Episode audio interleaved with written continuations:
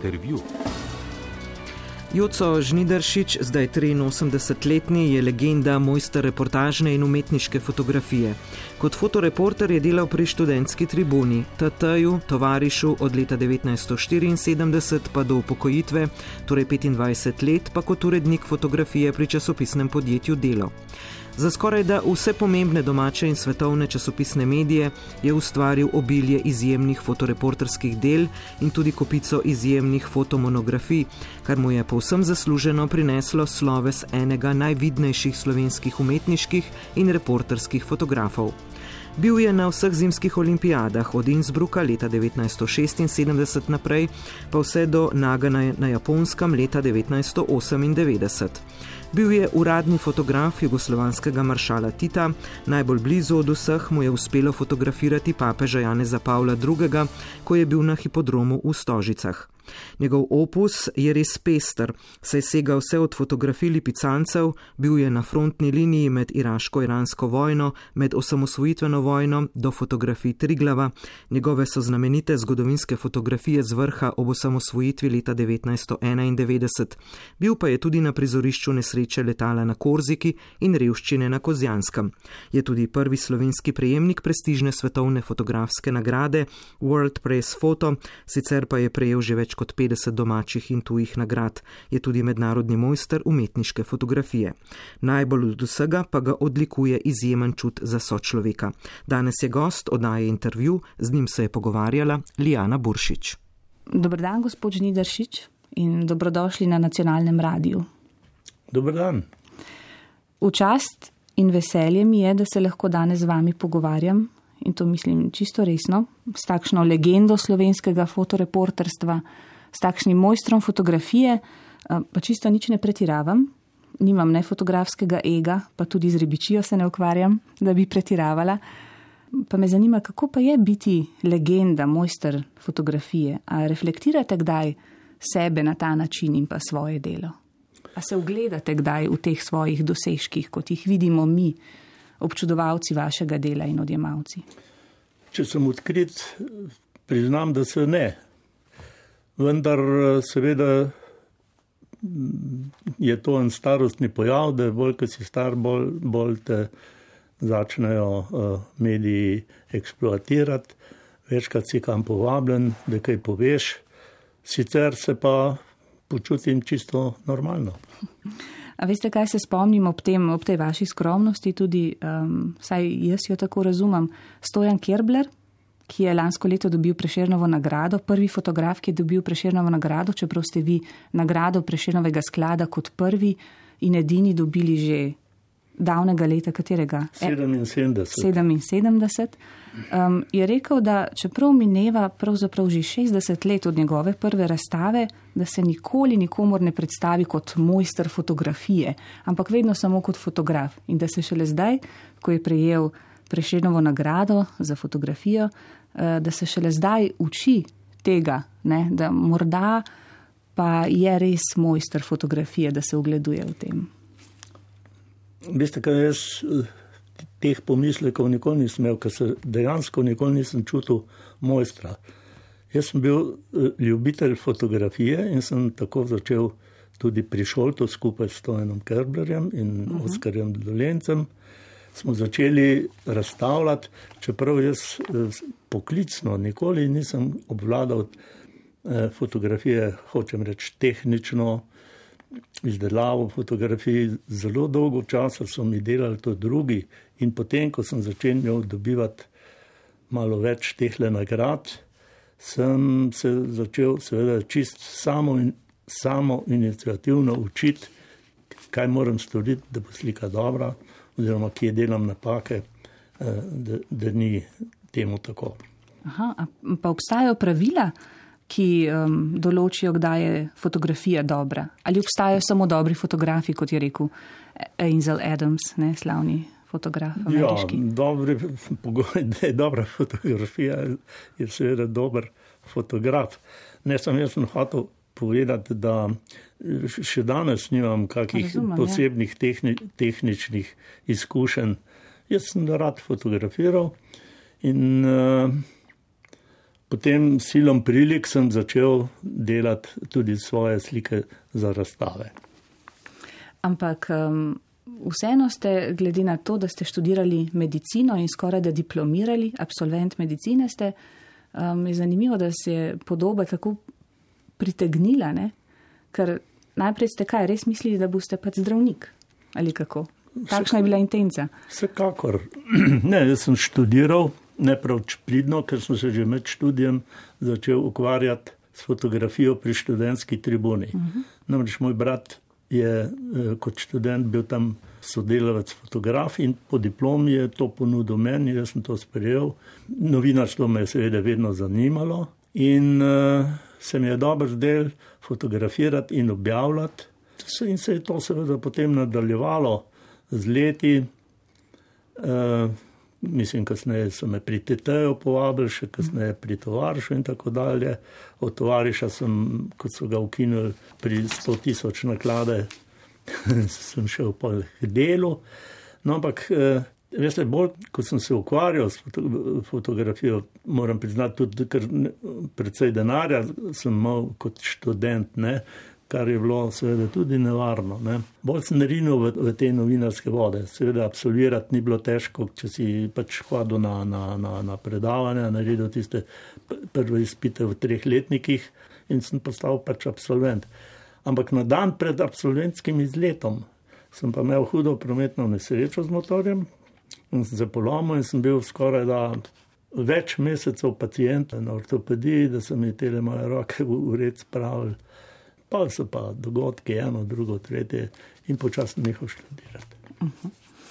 um, a ste zaznali v mojem uvodu, preko sem izrazila spoštovanje ne, um, do vas, da se lahko z vami danes pogovarjam, a ste zaznali ta sarkazem, morda tudi predrznost v tem, ko sem rekla, ne pretiravam, nimam fotografskega ega. E, ker z vsakim fotografom, fotoreporterjem, ko se pogovarjamo, um, govori o tem fotografskem egu. Kaj je to, kaj to obstaja, ta fotografski ego?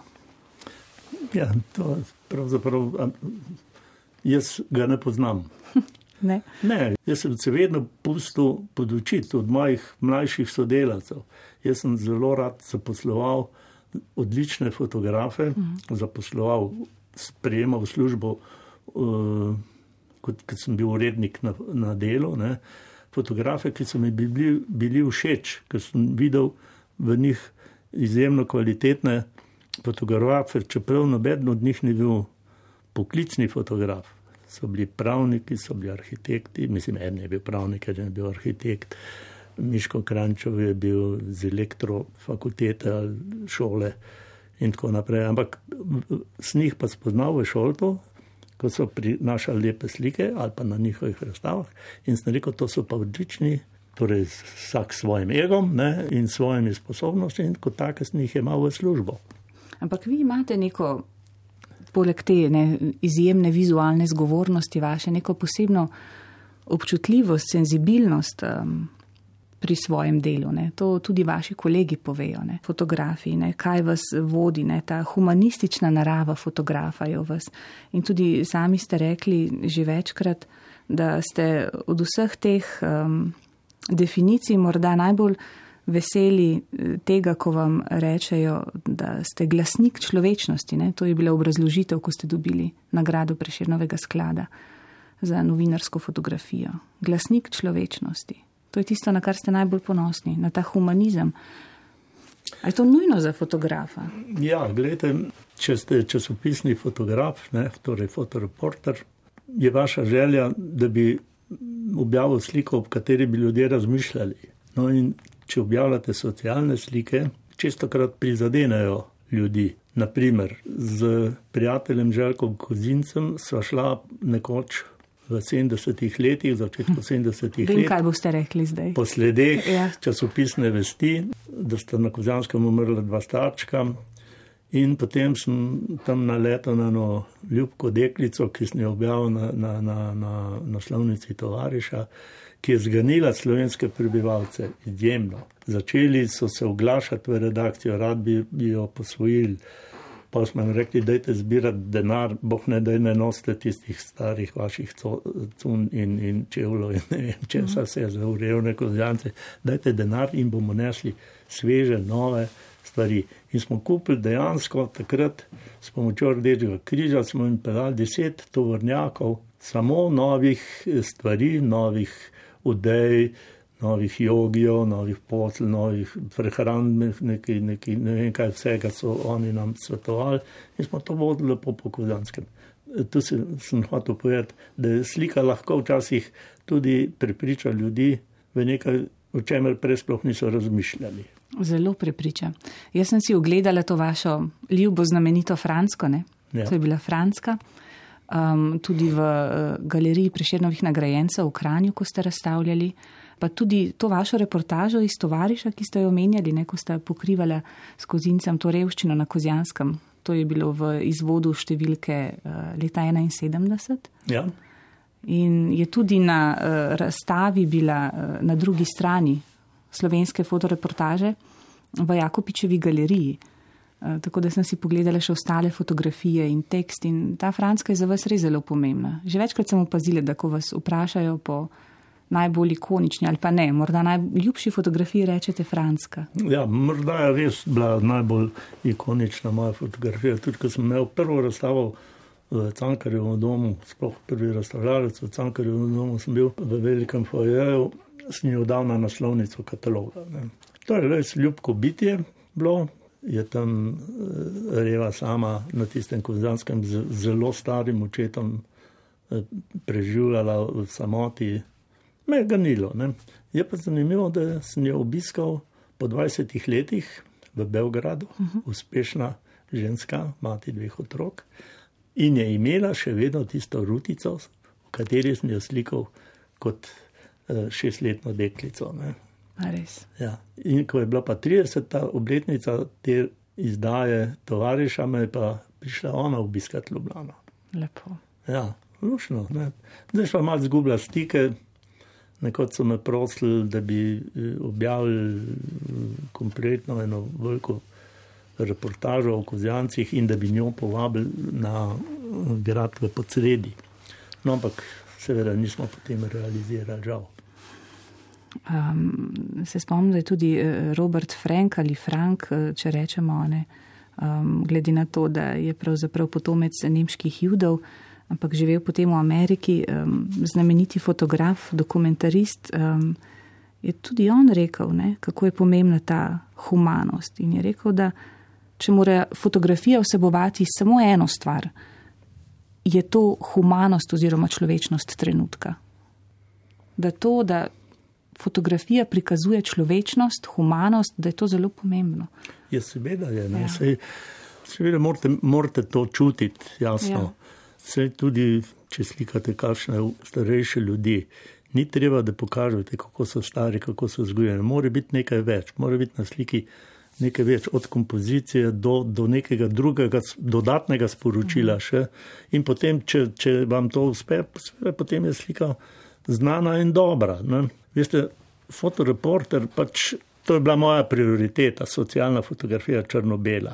Ampak kot fotoreporter morate obvladati tudi druge stvari za razliko od fotografov, ki pač eni ne vem, kaj počnejo, ampak samo nekaj. Ne. Fotoreporterji, mi smo v ekipi tudi vedno ljudi, ki so obvladali šport, ki so morali obvladati portret, so morali obvladati reportažo, dogodke, politiko. To je pravzaprav nadgradnja fotografije. Ne. Ko ste omenjali, kaj je pravzaprav sprožila ta vaša fotografija Franske, pa me zanima, A mislite, da ljudje še tako zaupajo podobam fotografskim, da jih imajo še za resnico, recimo, kar naj bi predstavljala?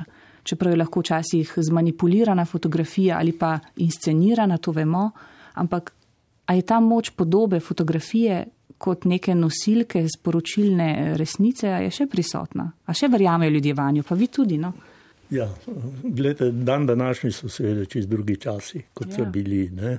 Zdaj jaz mislim, da so ljudje le gledajo tudi kakšne dobre fotografije, objavljene v kakih eh, revijah ali, ali, ali v časopisju ali v prilogah časopisov. In jaz sem prepričan, da verjamejo v to. Ne. Zmanipulirane fotografije slek, ko prej odkrijajo, se odkrijajo, da so bile ponaredki, ne. ali pa da so bile režirane, ali pa že kaj. In mislim, da so fanti, reporteri, koliko jih jaz poznam, le toliko pošteni, da ne manipulirajo z njimi. Čeprav sem videl, ko je bil tisti begunski val, ne, Ja. se, se, se tudi dogajajo čudne stvari. No. Uh, ravno zato, da so bile slike bolj efektne. Ne. No, ko ste omenili ta begunski val, um, a ste mislili v Sloveniji tudi? In tisto fotografijo Srđana Živ- Živuloviča, ki je dobila tisto, pulicerja. tisto odlične stvari. Ja, ne, in to je, tam, tam, tam, so slike, ki se jih ne da zmanipulirati. Ja, ja, se nisem ne. mislila eh, v kontekstu manipulacije, ampak begunski val, mislite tega, ki je pljusknil tudi v Slovenijo ali eh, kje druge? Zato, Ja, vse to je bilo seveda eh, objavljeno širom po svetu ne, Res je, in, ja. in predvsem na televizijah, ki so pa seveda zelo huda konkurenca fotografom. Ne, ampak mislil sem konkretno tudi predvsem na vojne. Ne. Ja. Vem, da so nekateri fotoreporterji bili v e- Arkanovih enotah in so baje slikali, torej so naročali, da je pa tole, pa tole naredimo, da bi dobili seveda pretresljivo sliko, ne, kar je zločin za moj okus. Ne. No, sej, te razprave o etičnosti fotografij oziroma o objavah so kar konstantne, se mi zdi, pri fotografih. A se mora fotograf vse čas preizpraševati o etičnosti um, tega, kar fotografira, pa potem objavah. Ne? Ker nekateri res menijo, da gre za eh, senzacionalizem, nabiranje klikov pri objavah, ki šokirajo, ne fotografskih. Spet drugi pa, da seveda fotografija drami čute in je takšna nujna, da se premiki naredijo. Lete, ko sem bil jaz urednik, sem seveda dosegel, da nismo objavljali slik razno raznih nesreč prometnih. Ja. Kajti to je prvič brez veze, je nepomembno. Poglejte, ko se vi peljete mimo nesreče, ne, vozite tri minute počasneje, potem pa spet norite. Ne. Torej se vas običajno se nikogar ne prime. Objavljati te slike tam tistih trupel okoli avtomobilov, to je pa skrajno neetično. Še posebno, če pomislite na svojce, da pol pogledajo, da gledamo časopisov, tudi če pokrijejo truple, pa noge, to je grozljivo. Ne? No in to sem dosegel, da teh tovrstnih slik nismo objavljali, čeprav so bili pa nekateri uredniki na kroniki, ki bi si pa to želeli. No in so imeli tudi svojega fotoreporterja, ki, ki ni sodel v mojo ekipo in je tudi take slike prinašal. Ampak, a se vi spomnite tiste um, fotografije, ki je šokirala sveta, ne morda tudi, ne vem, upali smo, da bo predramila svetu čuječnost um, iz leta 2015, uh, truplo, ki ga je naplavilo na turško obalo Egejskega morja, triletnega sirskega dečka, utopljenega Ajlana Kurdija. Se spomnim, seveda, Ja. slika se je bila pretresljiva. Pretresljiva, Vendar ja. so takrat seveda spet pomislili, ali je dejansko to slika bila posneta ali je, bila, ali je bilo truplo nastavljeno. Ne. Ja, ker recimo To vem, da je bila takrat polemika, sem pa, sem Zelo pa je bila pozabil polemika. skupaj. Ja. Ja. Takrat tudi to je sprožila. Ne? Ker nekateri mediji, kot recimo BBC, so objavili drugo, manj nazorno fotografijo, ne, na kateri recimo turški reševalec odnaša fantkovo negibno telo. Nekateri pa so se odločili za objavo obeh, ampak z opozorilom, da gre pač za kočljivo vsebino. In eden takih se spomnim je bil tudi britanski Independent, ne, ki je potem objavo utemeljil kot da ob rutiniranih besedah in besedilih o aktualni begunski krizi je vse prelahko pozabiti na resničnost obupanega položaja, s katerim se spoprijemajo prebežniki. Ne. Torej, objavil jo je z namenom, da bi predramila čuječnost, ne sočutje v ljudeh. Ampak ne vem, če je dosegla svoja. Je. Glede na to, kje živimo, Ka- da se nadaljuje vse. ne. Kakor za koga. Me- Mene, mene je seveda pretresla, ampak ja. Sem tako začel kot profesionalec razmišljati, ali je dejansko realistično. Razumem, ne. ja. Ampak gledajte, ti reveži, koliko, ki se vozijo iz Afrike mm, proti Evropi ali pa iz Turčije proti Evropi in imajo vse te nesreče, tega je ja toliko, da ni treba, da vidiš fotografijo, da ne potem razmišljal. Ne. Vse to vemo, vse beremo, vse 200 mrtvih, 100 mrtvih, 150 ljudi je otonilo. Ne vem, ali je smotrno, da, da greš nekam s helikopterja slikati tista trupla, ki plavajo po vodi ali ne. Jaz mislim, da je že dovolj vest in podatek, kaj se dogaja, ja. tista, ki vas iritira. Ne. Ja, po drugi strani pa ravno zaradi hiperprodukcije podob, ki nas obdaja, pa hiperinformacij, ne, v bistvu ljudje postajajo neobčutljivi, nedovzetni za stisko so človeka. Se kar strinjam z vami. Ja. Zelo lepo razmišljate. Tako da je kontraučinek, ne lahko kvečemo. Absolutno. In v tem kontekstu, pravzaprav, čeprav tega nisem tako rekla, sem se tudi spraševala, ne, a ima še fotografija, tudi reportažna, ne, um, sploh še takšno moč, kot jo je imela včasih, recimo. Ker zdaj že vsak lahko, ki ima telefon, recimo, lahko dokumentira, reportira, ja, etc. Predvsem, predvsem seveda, je televizija tista, ne, ki je prvič prej pokaže, kot pride v časopis ali revijo. In eh, običajno tudi odlično, in danes vsi, ki imajo telefone, tudi snemajo. Glede, danes ni več poklicnih reporterjev, vsaj ne toliko včasih, ki bi se sprehajali po vojnih področjih, ker je prvič absolutno smr smrtno nevarno, če greš blizu. Drugič to počnejo ali vojaki, ali domorodci, ali že kdo, ne, da pač dobijo od kakšne agencije kak minimalističen denar. Zdaj, ko ste omenili vojna območja, seveda tudi vam niso tuja, ne, frontne linije, iraško-iranska vojna, osamosvojitvena vojna, etc. O tem bomo morda še malce kasneje. Ampak spomnila sem se, ko smo se za ta intervju pogovarjali po telefonu, pa se nisem mogla takoj spomniti, ob kakšni priliki smo se pred leti že pogovarjali, pa se nihče od nas ni mogel spomniti. Potem pa sem se naknadno spomnila. Eh, ko ste bili govorec na otvoritvi razstave leta 2017 eh, o legendi vojnega fotoreporterstva svetovnega Robertu Kapi, Ja. Takrat smo se pogovarjali. Ja. In se spomnim, da ste takrat rekli, zelo naravnost, kot tudi ste vi, kot sem uspela zdaj eh, razumeti, razbrati, da to, da je Robert Kapa bil tako uspešen vojni fotograf in da, da je to v bistvu hoditi po teh vojnih območjih, da je to tudi neumno. Ne? Kako ste mislili to izjavo? Tako kot sem rekel. Ja. Glejte, on je bil vsekakor genij. Ne? Seveda, ja. Uh, mislim, moraš, moraš, moraš biti rojen za to. Uh mhm. -huh. Ampak tudi uh, mlad umrl, ne? ko je ja, stopil se, na mino. Ja, seveda, ja. Žal. Žal. No, ampak takrat sem verjetno vso stvar napeljeval na naše fotografe. Uh mhm. -huh.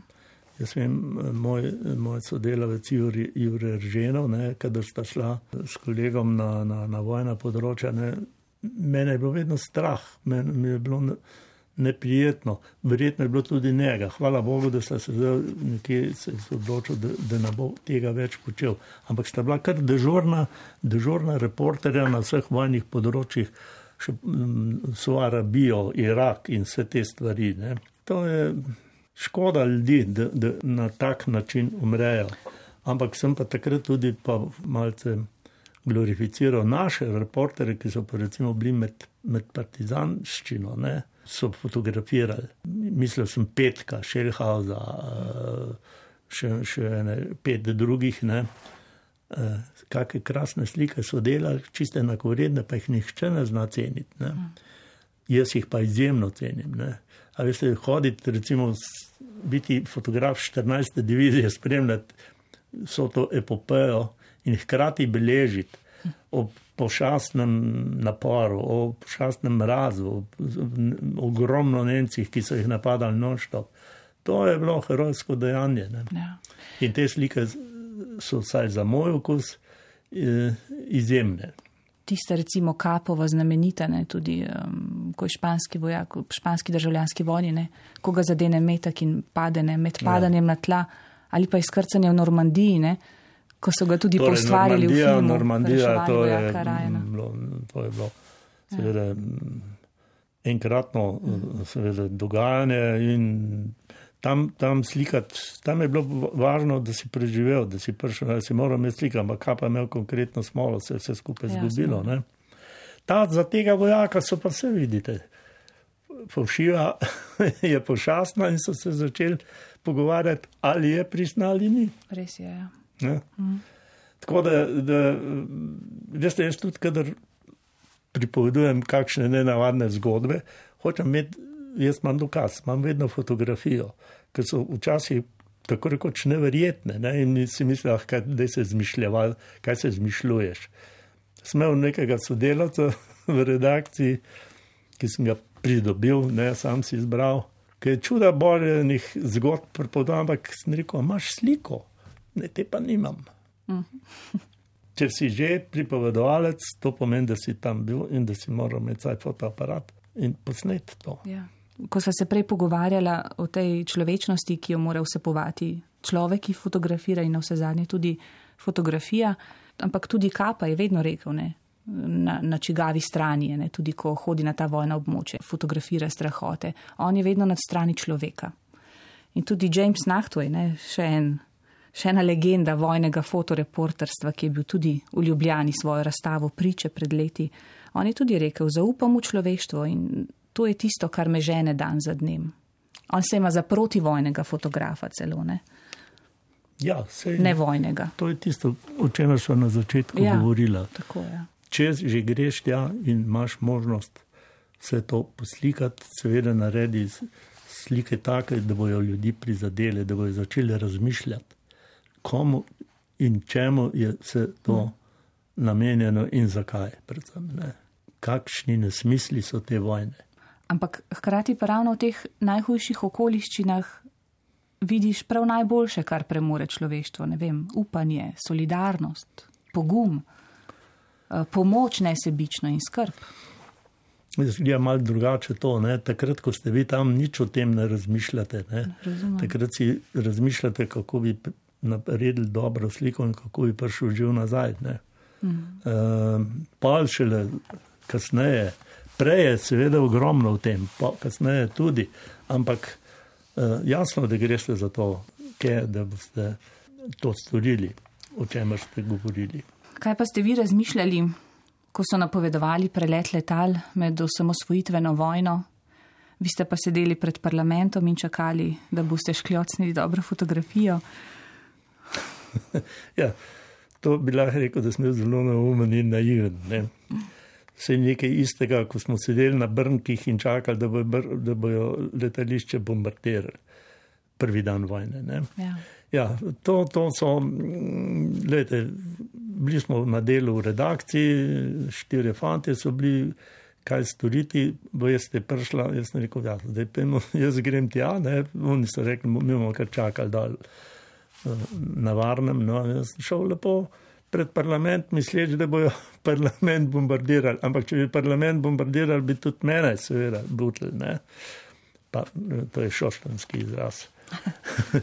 Eh, eh, prav, prav, ampak, gledajte, ko sem šel do, do banke, prav tako sem si predstavljal, pred bankom sedel, pripravljen z aparatom, bo naredil bum in bom naredil škljoc zelo naivno ne, za človeka pri tistih letih. Ampak sem pa spotoma do tja naredil lepe slike Ljubljane, prazne, ne, tu pa tam kak miličnik. Ne, in uh, je tudi tisto zdaj zgodovina, ne, kako je to zdaj. Oziroma, ko sem se pa vračal, so pa ljudje že začeli hoditi iz, uh, iz zaklonišč. Ne, In so tudi to neka dokumentacija. Seveda, mislim, to so ikonične fotografije, zgodovinske. Ne?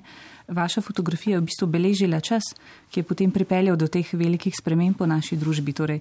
In o tem tudi govori razstava, namenoma je nisem omenila na začetku, čeprav smo prejšnji teden ne, praznovali 30. obletnico osamosvojitve Slovenije in 15. junija se je tudi zaradi tega. Um, odprla razstava, fotografska razstava, leto preloma v Cankarjevem domu z vašimi fotografijami um, iz obdobja od 1988 pa do 1991, do novembra bo odprta.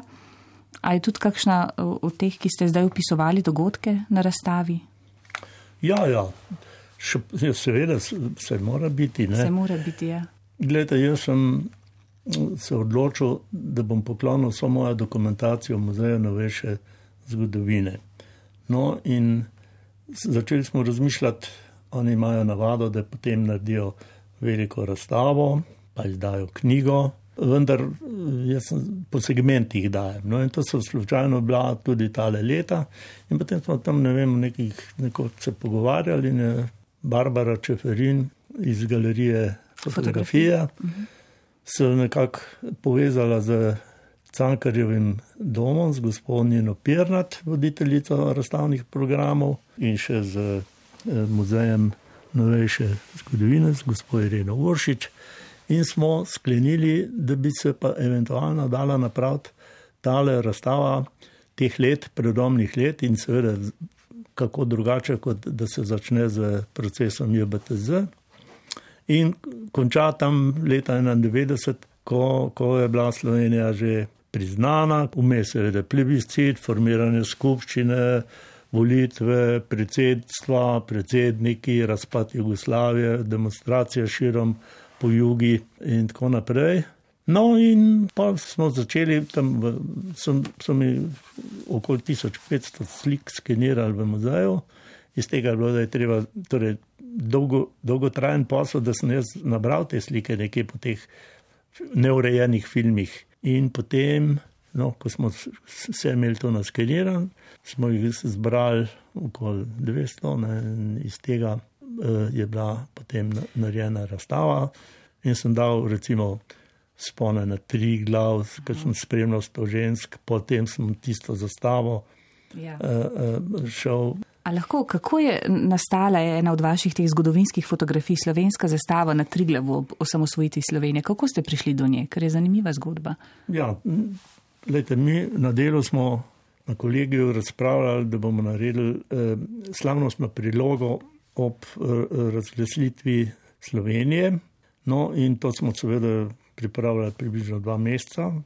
Jasno bi bilo treba narediti eno dobro naslovnico. Jaz sem predlagal tri glav, ampak Najprej sem že pripravil nekaj diasov, barvnih tri glav, oziroma črno-belih, tega smo še črno-beli bili. Mi je bilo malo dolg čas, pa sem rekel, kaj pa če bi na vrhu tri glava obesili slovensko zastavo. In seveda ideja je bila takoj sprejeta. Potem sem jaz klical v parlament, kakšna pa je slovenska zastava oziroma bo dr. Ludvika Toplaka, ki je bil tam podpredsednik zbora in je on se po posvetu z predsednikom Bučarjem odločil, oziroma mi sporočil, da naj bo kar trobojnica. Grč so namreč dva dni pred razglasitvijo naredili. Mi smo pa to, jaz sem se povezal z eh, gorskimi reševalci in alpinisti iz Mojstrane in z Gorenske, ki jih je vodil Janez Brojan. In Seveda je pa povezava z inštitucijo, ki je pripravljala proslave, zaradi logistike, treba helikopter in te stvari. No, pa smo čakali vreme, kar precej časa, nekaj tednov smo čakali vreme in 12. junija je bilo vse ugodno in smo v petih zvečer popovdne poleteli s helikopterjem v več rundah na, na, na vrh tri glava. Zanimivo je to, da ni bilo aljaževega stolpa, je bil pokrit snegom. Ne. In smo tam dol slutili, kje je, in smo kopali toliko časa, da smo prišli do zastavce. Ne, da, da sem slikal in zastavce, in skupino gor na vrhu, da, da, da se ve, da je bilo to ne na nekem, da je bilo to na tri glavo. Svetlova je bila enkratna, bili smo na tri ure gor, fanti so pa imeli še sabo bakle, ki so jih podvečer ob mraku prižgali ker je eh, helikopter preletel nas še s kamermanom televizijskim, da, da je še to posnel za vaše potrebe. No, takrat, eh, ko ste bili že, ko ste začenjali službo na delu, um, 25 let, ne ste bili tam urednik fotografije, ko je prišel Tito v Ljubljano, so rekli vaši sodelavci, ne, da je bilo vsem jasno, da bo glavni med fotoreporterji Joco Žnidršič. Kaj je zgodba o tem, da ste vi postali njegov fotograf, Titov fotograf, ki se je zelo zavedal moči fotografije, ne, kot vsak velik voditelj, recimo, oziroma državnik. O tem je bila tudi lansko leto razstava v galeriji Fotografija, ko ste prej omenili ne, lastnico Barbaro Čeferin, Tito in fotoaparat. Vi ste fotografirali Tita v precej za nenavadni vlogi, ne? kot ljubiteljskega fotografa. To je bil njegov hobi. Ja. Kako ste prišli do tega, da ste bili uradni fotograf Tita in ste Mislim. potem na Kitajsko šli z njimi in po celem svetu. Ja, to je pravzaprav mm, zgodba, se je začela tako, da je nekoč uh, nek uh, fotoreporter bil oficir, ki je do takrat največkrat slikal maršala, kadar je prišel z bolom in pol so mene poslali. In jaz sem imel mal drugačen pristop. Eno je slikati čisti protokol, e, eno je pa mal, mal iza vzadja, pa mal s teleobjektivom, pa mal eno, pa drugo, pa tretje. To početi in sem imel srečo, da je šel takrat maršal na obisk e, v šolo v predoslah. In so mi uspele ljubke slike, in, in jih je delo kar precej objavljalo na Brdu in je pač bilo dolg čas in so te slike zelo radi gledali v časopisu. In se, se vprašali, kdo pa je zdaj to. Ne? No, in jaz sem tudi urednika, šefa Mitijo Gorjupa, ne, ki je takrat rekel, škajoco, zdaj boš pa ti mal večkrat hodil, kaj. Najbrž je domu namik. No in, in tako se je začelo. Ne. Potem sem imel pa seveda še nadaljno srečo, Nekoč ravno Mitja Gorjub, moj glavni urednik, bi moral iti z eno delegacijo, ki jo je vodil Stane Dolanc okol po svetu, z velikim vojaškim avionom, štirčlanska delegacija, ker pa ni imel časa.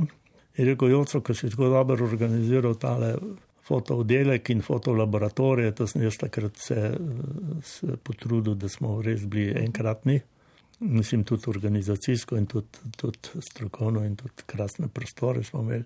Je rekel, po, bo šel pa ti na mest mene. Ne? In ko sem prišel v Koritu, en mesec potovati, eh, najprej Rusija, potem Mongolija, potem Koreja, potem Japonska, pa nazaj Sibirijo. To je bilo dušo dalo za za fotoreporterje, če pa nismo imeli možnosti kaj, kaj dosti slikati, malo protokola, malo lunga, malo, eh, seveda sem moral biti z njimi ne, na vseh veselicah, na vseh pojedinah, na vseh tako dalje, ne, kar, kar je bilo seveda tudi zanimivo za me. Enkrat ste si dovolili tudi malo predrznost, če temu tako rečem, ko ste rekli, ko je Tito vam rekel, da da ima boljši fotoaparat od vas, vi pa ste mu rekli kaj nazaj. Ja, to bi bilo pa na filmskem festivalu v Puli, ko smo imeli ja. seveda tam bolj taki eh, lušen sprejem za, za igralce, ne, sem bil prisoten lahko. In eh, je bilo veselo razpoloženje iz znanih razlogov, da so si ga vsi rahlo nalijeli. Jaz sem bil presenečen in prestrašen, da je stopil meni, da mi je gledal moj skromen fotoaparat. No, meni ni nič drugega prišlo na pamet tista sekunda. Uh, sem, kot sem izrekel, sem vedel, da sem ga mora biti poloma, ampak se je Jovanka tako prisrčno smejala, da sem vedel, nič ne bo hud. Kaj ste pa rekli? Ja, jaz pa bolje slikam. Aj, mi, no, ampak prej sem začel z Dolance gledati. Potem, malo zatem je bil pa leto, kasneje je bil pa Kolombo. No, in Eh, je spet Gorjub in, in pa direktor Tanjoga Jako Pivc, sta se z Dolancem dogovorila, da so mi dovolj, da sem šel poleg Tanjogovega reporterja edini še zraven v Kolombo, kjer sem pač delal tudi za Tanjog, seveda. Ne? In, in sem, so bili spet zadovoljni. Veste, če recimo ena agencija drugi agenciji proda dosta svojih slik, pomeni, da so dobre. Ne? Bom malo neskromen, mojih slik so kar precej prodali za razliko od tanjega fotografa, ki pa niso šle, so bile pa izjemno protokolarne. Objavljene so bile tudi praktično v vseh pomembnih svetovnih časopisih. Tudi, ja, vse to so tuje agencije kupovale. Ja, naročale, no. Ja, in kupovale, jasno. Ja. Ker tam je bil tam servis nevrščenih. Ne. Žal mi je, ker ne včas priganja, ker vi ste polni zgodb, zakulisnih, ne, to, je, to je to, kar pravi eh, razstava um, slovenske fotoreportaže na drugi strani. Ne. Fotografi ste na drugi strani zgodbe tudi. Um, pa bi morda še to omenila, se mi zdi, da brez tega pa ne moreva. No. Vi ste se zdaj, ko ste v pokoju, ko ne delate več, ko niste več na delu, ste veliko časa v Buhinju, v vašem ljubem Buhinju, čeprav ste rojeni šoštančan, ste tudi ponosni ljubljančan, ampak večino časa preživite v Bohinju, v katerega ste se zaljubili že kot otrok. In tudi ta vaša, vi ste bili prvi prejemnik nagrade World Press Photo, te prestižne nagrade. In um, ste jo dobili pravzaprav ravno um, po zaslugi Triglava, Gorenske in sicer ta vaša znamenita fotografija, jaz jo poznam seveda kot aljenje konja in enega od oskrbnikov koča v plazu pod Triglavom. In tudi ena fotomonografija, s katerimi se ukvarjate zadnja leta, koliko jih je zdaj že nastalo, je posvečena Bohinju z naslovom Večni Bohin. Bohinju sta posvečeni dve. dve moja prva, takšna bolj samostojna leta 85. Jaz imam Bohin rad, občudujem naravo, imam rad gore. Bohin se mi zdi idealen. Greste v slad, greste plavati, greste kolesariti, skratka športlat.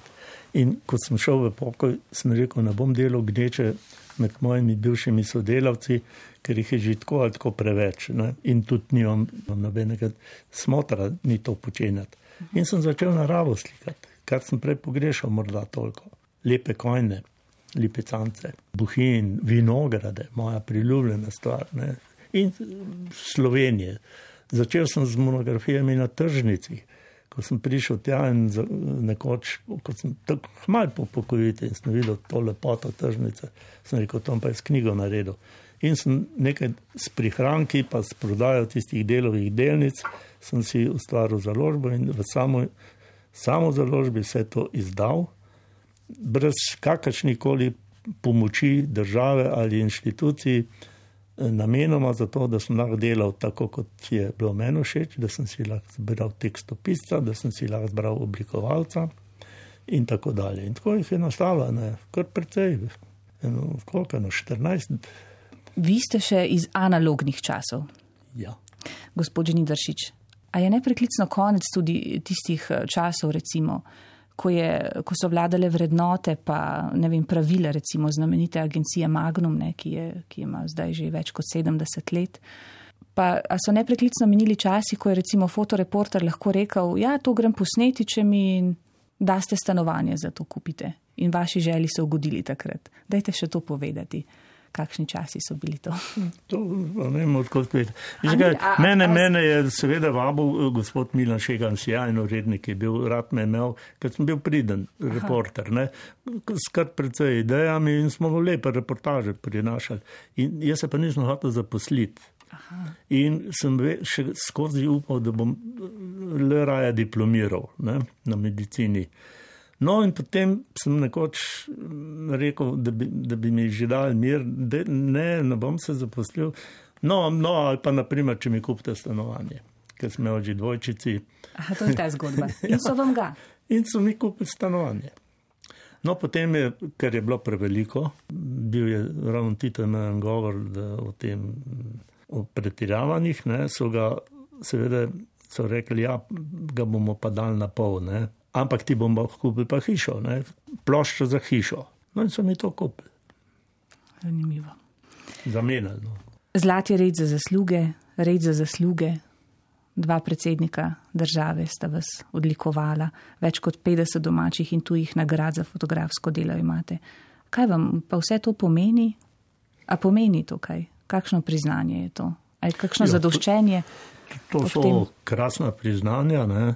Moj prijatelj, moj mrsebe je rekel, da je, ko je dobo Viktora, da je to starostni pojav.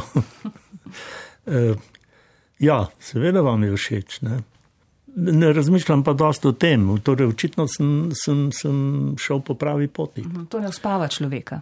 Ne no, uspava. Glede, jaz ne delam več zdaj reportaž, tudi, tudi, tudi eh, prej ste omenili analogno fotografijo, zdaj z, mo, ne, s tem ne mobijem, kaj poslikam, ja, če tudi. vidim kaj izjemno lepega, ne, eh, da bi pa nosil na hrbtnik samo kot njega dni.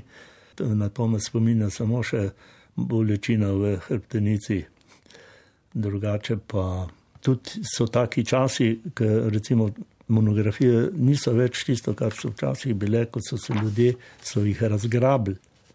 Razgrabili, to pomeni, da so šle nad 30 tisoč. Danes, če spravite čez 3 tisoč, ste že geni. Ne vem, kje sem že to prečitala. da, ampak me zanima, kaj mislite o tem, če se strinjate morda, da fotografije pravzaprav delamo zato, da bi razumeli, kaj nam življenja sploh pomenijo. In da bi morali gledati življenje vsakič tako, kot ga gledamo skozi fotoaparat, ko iščemo zgodbe ali pa ko nas zgodbe najdejo. Vi to govorite zelo lepo. Ne? Včasih so rekli, da ja, kdo slika ima več od življenja. Ne? Najbrž je tako. Mene samo žal, da, da mi ne bo uspelo do prerane smrti urediti vseh teh stvari, kot si jih želim. Še posebno to, kar sem kasneje, vse to v barvah slikal, to lepo Slovenijo, vse to, vse sem objavil knjige, ampak tega je še toliko, to bo šlo v pozabo, vse nekje. Vse bojo, bojo imeli v muzeju, ampak morda, morda nekoč bo pa rekli, kako lepa je bila Slovenija, res, na podlagi teh slik. Ker Slovenija, žal, jaz sem imel to srečo, ne, da sem jo še spoznal, ko je, še, ko je bila še lepa, lepa je še zdaj. Ampak ti vsi ti posegi, ki se dogajajo, to pa je grozljivo. Ne. Pa me zanima, imate kakšno sporočilo za mlade, nadebudne fotografe in fotografinje? Ne, vsekako se je vredno potruditi. Jih pa občudujem, da so toliko pogumni, da si to upajo. Dejstvo je, da seveda prodreti kot fotograf danes je zelo težko. Imamo nekaj sjajnih slovencev, ki so svetovno uspešni, ne? mladi fanti, uh -huh. ampak množica jih pa je, ki se bojim, da, da bo pa to zelo težko dosegla. Ni pogojev, ni časopisov, ni revij. Pa tudi, če so in če vam že uspe to objaviti, je tako mizerno plačano, da se od tega ne bo dal živeti. To pa ni prav svetla ali pa upajoča prihodnost ali pa sporočilo za ne, mlade. Ne, vse to nočem zdaj napovedovati eh, ja. eh, hudih časov, ampak sem realist. Ja, to me moji, moji otroci mi zmeraj rečejo, oče ne, ne krokat, če kaj začnem jamrati. Uh mhm. -huh. Se pravim, da so pogumni in je lepo, ne, da se odločajo. Se pa bojim za ene. Kaj vas navdihuje v teh dneh, v tem času? O, zdaj le bom šel nazaj v Bohin. Rad gor živim, so, torej virusno obdobje sem gor preživel, več ali manj soprogo, na varnem, ne, otroci so nama nosili tako, kot je bilo predpisano. Je pa lepo, veste, če imate lepe razglede, lahko, lahko se gibljete, kjer se hočete, brez mask, brez vsega. Ne. Tam ni bilo teh predpisov, in pravite, da je najlepši razgled na tri glav iz vaših toletnih prostorov. to smo se smejali, ne, to je bila šala. E, da, da ne bi bile dame prikrajšene, sem rekel, da bom, da bom dal vzoratno gledalo. Hvala lepa, gospod Žnidršič, ker ste bili naš današnji gost in želim vam še obilo zdravja in pa ustvarjalnosti. Vse dobro in srečno. Iskrena hvala tudi vam. Intervju. Intervju.